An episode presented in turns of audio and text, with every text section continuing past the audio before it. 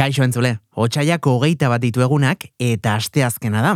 Eta guk jarraian bizikleta hartu eta intxaurrondora joango gara kasares kulturetxetik izan ere bertan delako Isabel Besga intxaurrondoko liburutegiko liburuzaina gure zain liburu bat besapean duelarik.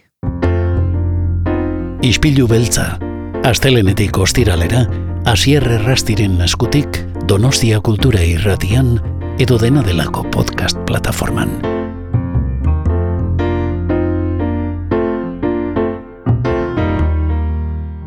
Isabel Vesga, kaixo ongi etorri? Kaixo, egunon. Egunon, ¿qué tal estamos Isabel Aspaldico? Muy bien, pues sí, perfectamente, muy bien. Estamos muy bien en la biblioteca, cada vez más gente, cada, se nota el invierno, se nota el mal tiempo, hace que la gente se anime a venir más. Y bien, muy contentos bueno, mal tiempo entre comillas, ¿no? Porque solemos tener días de perros, pero también tenemos días... Eh, incluso preocupantes, diría yo, ¿no? En este mes de febrero, porque hemos llegado hasta 22, 23 eh, grados de temperatura. Mm, me imagino que comparado con otros inviernos, ¿esta os habrá ido algo más flojo o, o cómo lo sentís?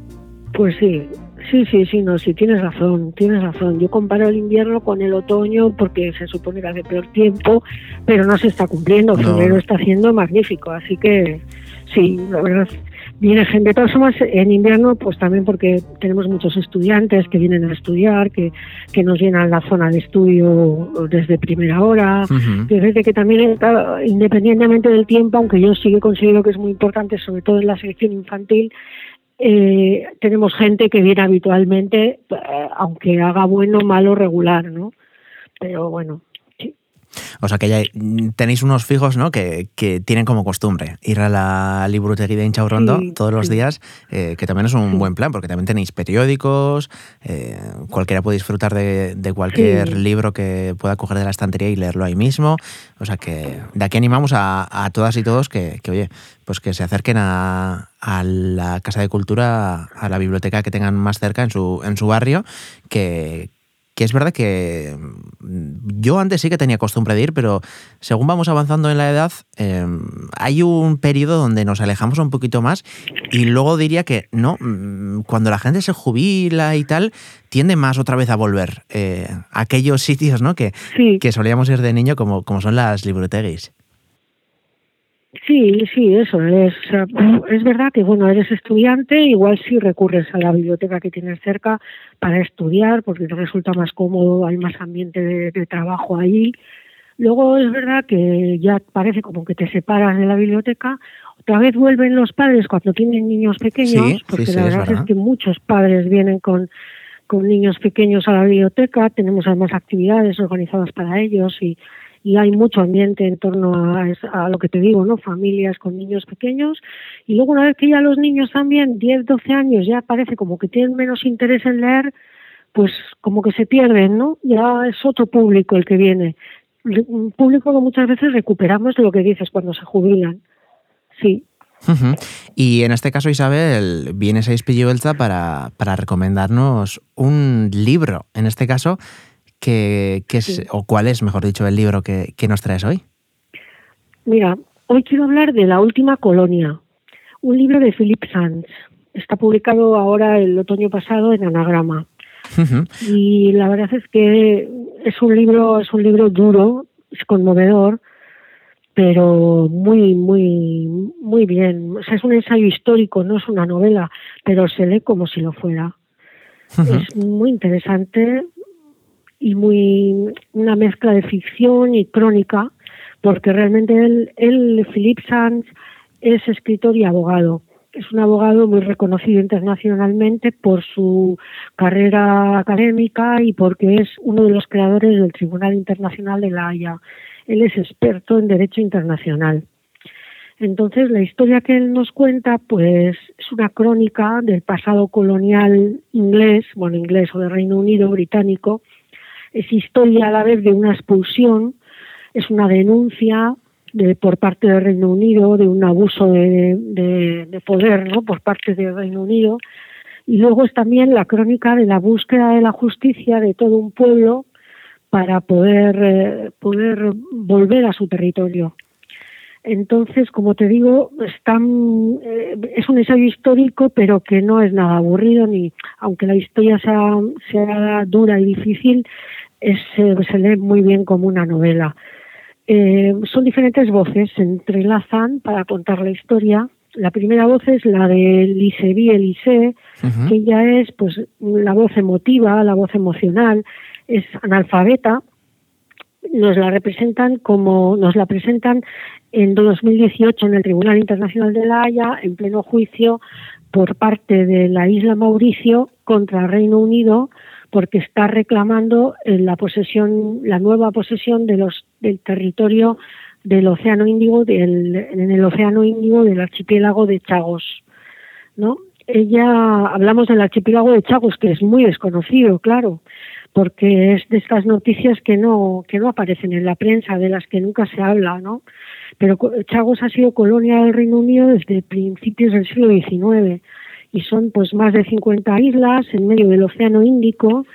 Están ahí perdidas en la mitad del océano, están como a 500 kilómetros hacia el sur de las islas Maldivas, que para situarnos las Maldivas están a su vez al sur de, de Sri Lanka que es el sur de la India, 500 kilómetros. Y luego al oeste pertenecían a la isla Mauricio, que a su vez también está lejísimos, está como a 1.500 kilómetros al oeste de, de las islas del archipiélago de Chagos. Isla Mauricio es una isla pequeña que mm, ha pertenecido primeramente a Francia y después a Reino Unido, que está muy cerca de Mozambique, de Madagascar, de Madagascar más cerca pero también muy distante de las islas de las islas Chagos. El conflicto de las islas Chagos surgió en los años 60 porque en plena guerra fría, los años 60 del siglo pasado, porque Reino Unido negoció la independencia de Isla Mauricio, que ahora es independiente, es independiente desde el año 68, eh, si renunciaba o renunciando al territorio del archipiélago de Chagos. O sea, era una de las condiciones. Entonces, Chagos había sido parte de Mauricio desde el siglo XVIII, cuando los franceses se establecieron en las islas. Ellos, la población de Chagos es descendiente de los esclavos que llevaron los franceses para trabajar en las islas. Em, allí, en el cultivo del coco, ¿eh? había, es lo que se explotaba, el aceite de coco. Entonces, las islas que formaban parte del territorio colonial francés desde el siglo XVIII fueron cedidas a los británicos cuando Napoleón pues perdió su, su poder, ¿no? En 1810, en un tratado de 1810. Entonces, el, como decía, el conflicto se inició cuando el Reino Unido, eh, negociando la independencia de Mauricio, segregó, separó el archipiélago del territorio de, del archipiélago de Chagos del territorio de Mauricio y formó una nueva colonia, la última colonia británica, es eh, una colonia que se llamaba Territorio Británico del Océano Índico. Vale. Entonces era un nuevo territorio colonial ya desgajado de Mauricio. Mauricio obtuvo su independencia y nadie informó a los chagosianos de que ya no pertenecían a Mauricio. ¿Y cuál es la razón por la que el Reino Unido desligó Chagos de Mauricio? En el, la razón está en el interés que Estados Unidos tenía en establecer una base militar en la mayor de las islas de Chagos, en la isla de Diego García. Entonces, ¿qué pasa? Que tanto Reino Unido como Estados Unidos llevaron, llevaron adelante unas negociaciones secretas, eh, al final resolvieron mm, preparar un tratado, pero que era secreto y que se aprobó sin la aprobación, sin pasar por el Parlamento británico. Reino Unido pone a disposición de Washington la isla de Diego García por un periodo de 50 años que ha prorrogado 20 años más, está hasta 2036. ¿Qué pasó? Que Estados Unidos no quería que hubiera población autóctona en las islas que rodeaban la base militar. Querían, querían, querían estar ellos solos, ¿no? En esas islas perdidas el gobierno británico fue expulsando gradualmente a los chagosianos y prohibiéndoles además regresar después del viaje. O sea, les, les eh, fue tremendo porque les, les dijo que la isla se cerraba. Hubo restricción del suministro de alimentos y medicinas, envenenamiento de todos los perros. terrible. Entonces, ¿qué pasa? Los chagosianos son negros, son descendientes de esclavos africanos, como decimos, son pobres. Entonces fueron deportados en barcos de carga a Seychelles y a Mauricio. USA instaló su base militar aprovechando la población estratégica y luego pues con eso pues gracias a que gracias a que ha tenido la base militar ahí pues ha intervenido militarmente en toda la región ha podido controlar las principales rutas marítimas por las que pasaban los hidrocarburos y las materias primas ha usado la base de Diego García como centro de detención la CIA para interrogar a los sospechosos de terrorismo al estilo Guantánamo también ha utilizado la base, la base militar como base aérea en la guerra contra Irak y Afganistán. El uso, el uso de la base, de la base militar de Diego García ha sido importante e intensivo, ¿no? ¿Qué pasa? Que Lise Elise, la protagonista de una de las partes del, del libro del que estamos hablando, ella vivió hasta los 20 años en Chagos, en el 73, 1973, le ordenaron subir al barco con una maleta únicamente, igual que el resto de los chagosianos, y le indicaron que la isla se cerraba. Entonces le reubicaron en Isla Mauricia. No pudieron, no tenían ninguna alternativa, que era morir de inanición, vamos. Y luego, ¿qué pasa? Que Reino Unido no reconoció a los habitantes autóctonos de las islas como pertenecientes a, una comunidad permanente. No les reconoció como habitantes permanentes. Los convirtieron en trabajadores temporales, sin derechos a ninguna tierra. Que es terrible, ¿no? Entonces, esta es como la primera voz de la, de la historia que, contamos. La segunda voz es el narrador y es el, el propio autor, Philip Sands. Ah, mira. Philip Sands es Sí, Philip Sanz es, el, es abogado, es escritor, eh, no es historiador, pero sabe contar muy bien la historia de un, del pueblo, ¿no? De, este pueblo, vaya. En entrevistas él lo que dice es que él desechó la idea de ser objetivo porque a, la hora de contar la historia él tenía que hablar de colonialismo británico, de esclavitud, de racismo. Él, él estableció una relación personal de amistad con Lise y Elise. Entonces, él ha querido reconstruir la lucha jurídica que los chagosianos han, primero separados de Mauricio y luego expulsados de sus tierras, han llevado a cabo durante muchos años. Él, eh, como abogado prestigioso, es el encargado, es el que lleva la defensa de Isla Mauricio contra Reino Unido en el Tribunal Internacional de la Haya y reclama que los chagosianos puedan volver a su territorio. Aparte, bueno, Philip Sanz es londinense, es judío, como decía, con una exitosa carrera académica, uno de los creadores del Tribunal Internacional de la Haya, y aunque lo que tiene delante es una historia de opresión y de abuso, de abuso terrible por parte de la metrópoli de, eh, de, la colonia, ¿no? Él cree, él es optimista y cree que la humanidad, eh, generando generando después de los juicios de Nuremberg y frente al abuso nazi y así, eh, ideas como los crímenes contra la humanidad y el genocidio, la idea de genocidio, cree que los grandes principios internacionales se han convertido en elementos de resistencia en manos de los oprimidos, dice, ¿no? y es optimista porque de toda acción, incluida la palabra escrita, es capaz de tener consecuencias por imprevistas que sean. ¿no? Esto es una cita suya. Entonces, en este sentido, él cree que la escritura pues tiene un sentido revolucionario. La denuncia de una situación puede hacer que esa situación cambie. De hecho, en esta historia del archipiélago de, Chagos, de los chagosianos, eh, un escritor francés que es premio Nobel, Jean-Marie Le cuando se enteró de la historia de los chagosianos, escribió una carta a Obama para que interviniera. No sabemos si Obama hizo algo o no, pero, pero bueno, sí que tuvo esta, esta reacción, ¿no? Y de hecho, mira, el Tribunal de la Haya en 2019 ordenó a Gran Bretaña que tenía que devolver el archipiélago de Chagos a Mauricio y le dio un plazo de seis meses.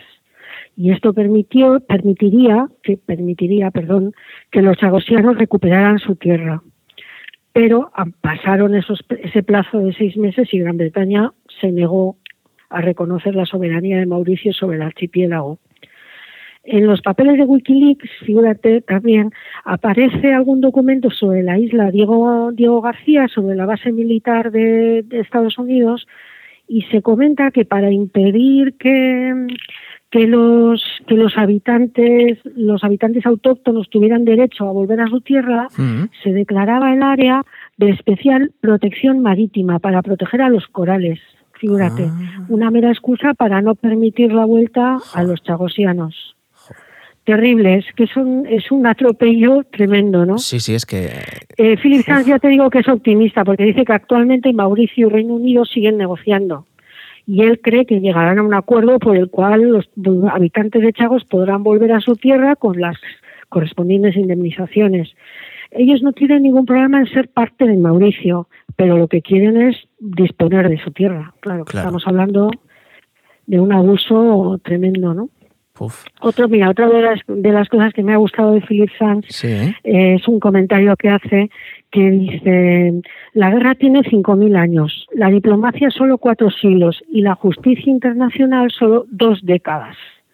Ah, Entonces, claro, dice, en 1945, cuando te digo, cuando los juicios de Nuremberg contra los nazis y tal, es cuando por primera vez se establecieron este tipo de este tipo de ideas internacionales, ¿no? Unas reglas eh, sustentadas en ideas como, como la de crímenes contra la humanidad y genocidio.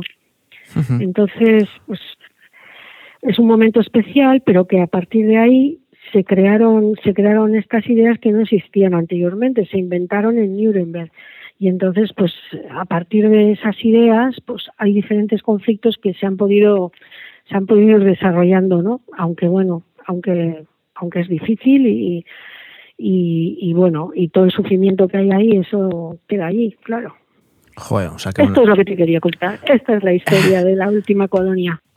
Muy interesante. Muy... Joder, una historia trágica, dramática y, y tan real que, que, bueno, que este conflicto sigue estando en pie que, en fin, que vaya, vaya daño que ha hecho durante la historia el colonialismo y sigue haciendo todavía a día de hoy.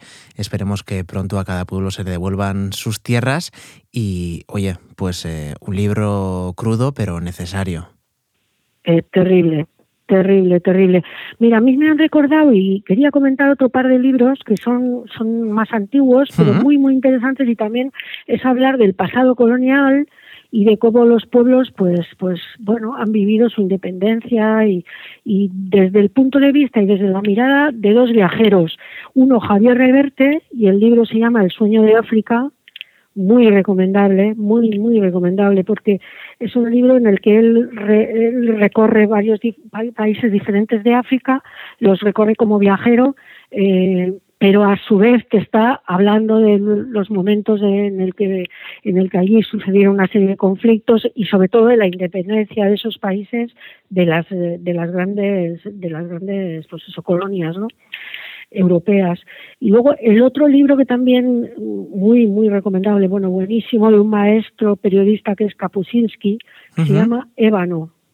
Lo mismo es un recorrido por África hablando de de la independencia de cada país, de en qué momento surgió, cómo fue, en fin, muy buenos los dos, buenísimos para recordar. Para recordar que África hasta hace muy poco era eso, pura colonia y puro abuso. Pues la verdad es que, mira, nos encanta divertirnos, nos encanta pasárnoslo bien, pero más allá del entretenimiento, qué necesarios son, ¿no? Eh, este tipo de, de libros, qué necesaria es este tipo de gente ¿no? que, sigue registrando para, para que no se quede en el olvido todo lo que hemos hecho, todo lo que han hecho ciertas eh, comunidades, ciertos países y bueno, esperemos que, que, este conflicto llegue a buen puerto, que se les devuelvan sus tierras, como bien hemos dicho. Y por nuestra parte lo que podemos hacer es eh, recomendar este libro y este autor para que, bueno, pues eh, esta historia llegue cada día a, a más personas. Isabel Vesga, es que recasco izpilu beltzera gerturatzeagatik eta laizter arte. Muchas gracias. Zuri, es que recasco zuri. Ispilu beltza, astelenetik ostiralera, asierre rastiren eskutik, Donostia Kultura Irratian, edo dena delako podcast plataforman.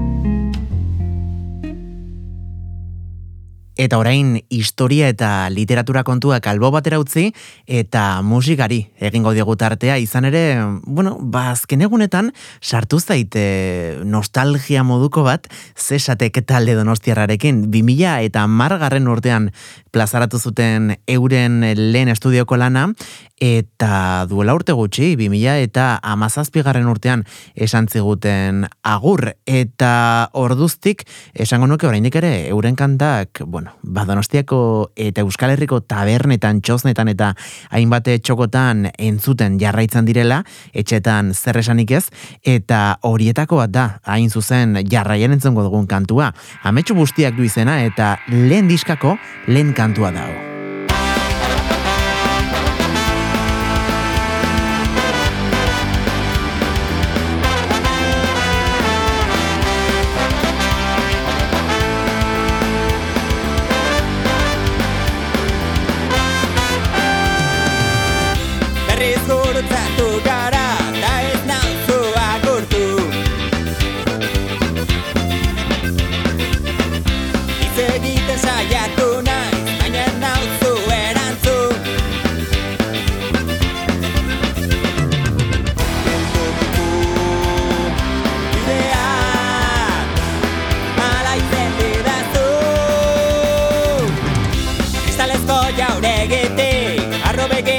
when I'm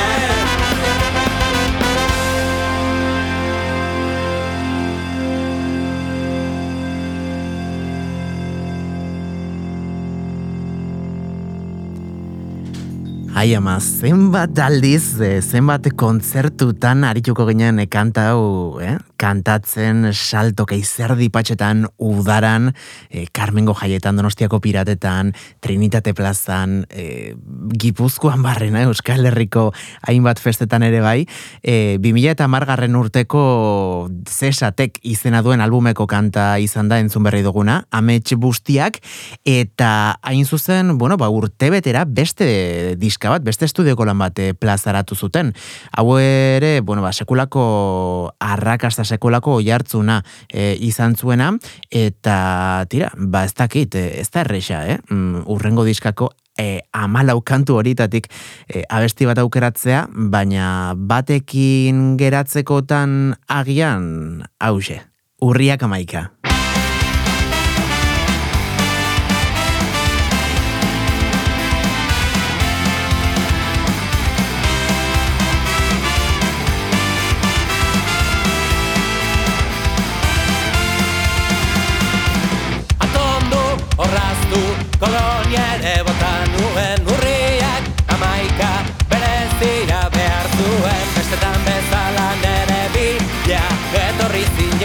Kotxe hori ordutik ez den berdin begiratzen. Atzean eseri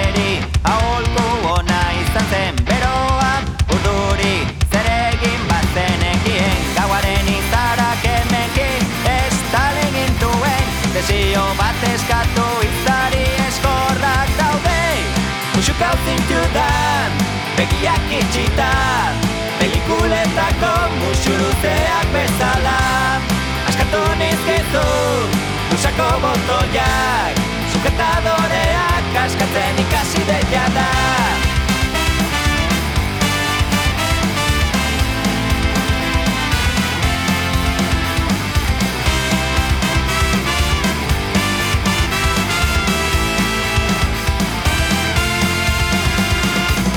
Egunak argitu aldo sekola bai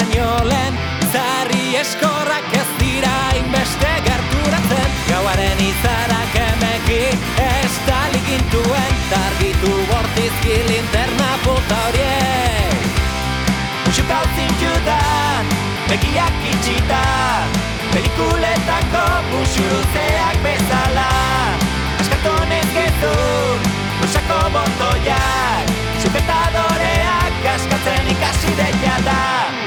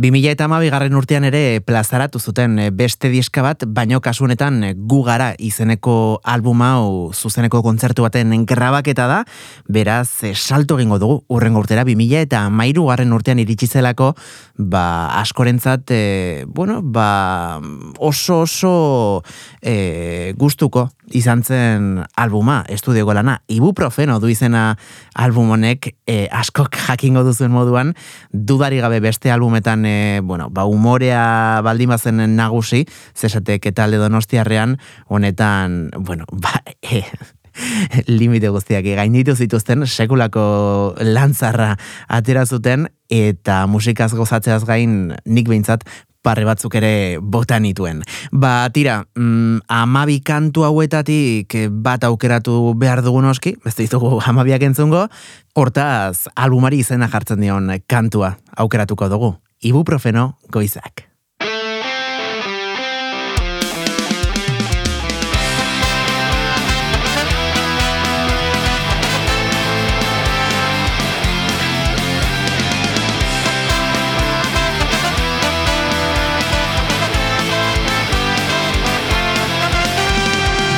Eskuak bete gabeko asmoz gainezka dauzkat Ta beste honen letra paper zati batean dizut oroimen honi Neuronen mesedean ez nahi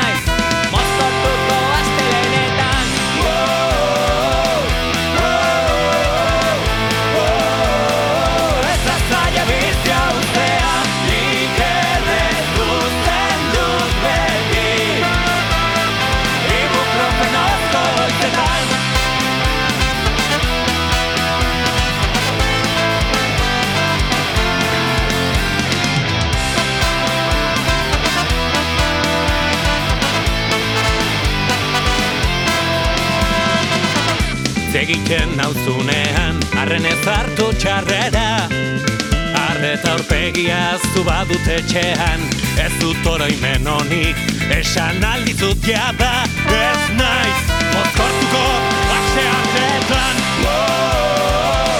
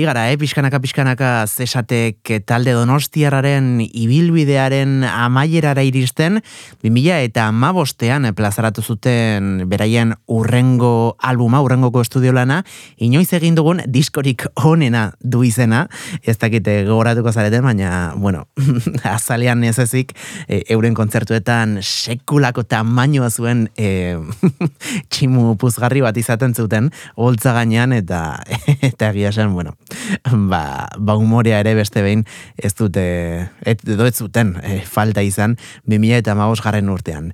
E, tira, amarkantu hauetatik lehenengo aukeratuko dugu, agian oihartzun handiena izan zuen horietako bat izan zelako, e, irratian eta txoko guztietan entzuna izan genuelako garaian, eta gaurkoan ere ba, ekarreko dugu gora. Ezin zaitut jasan.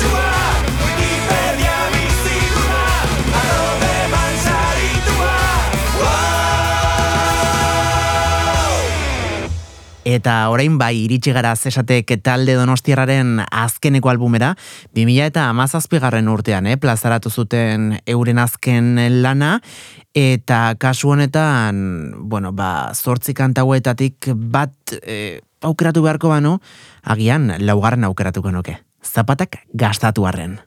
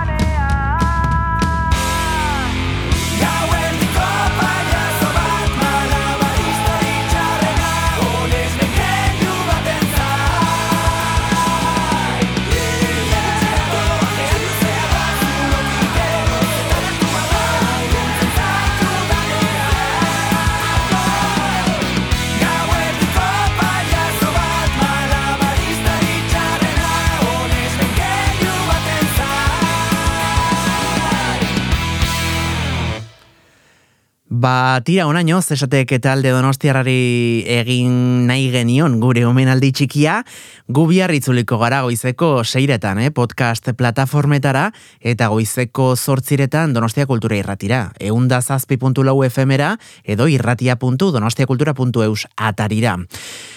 Ai, 2000 eta emeretzi garen urtean, esan ziguten agur, mm, tonto-tontoan pasadira, eh? bost urte, kontzertu hartatik, donostiako aste nagusi piratean, eh, la flamenkan, kaian, eh, eskaini zuten kontzertu hartatik, eta gaurkoari agur esateko agian, logikoena euren kantarik ezagunena ez, edo entzunena, ipintzea litzateke, eta horrela kantuz eskertuko diegu eurei, ba kantuz eman diguten guztia, eta baita zuei ere, mm, izpilu beltzara, ba beste behin gerturatzeagatik ona donostia kultura irratira. Bihar arte, muixo erralde bat. Agor!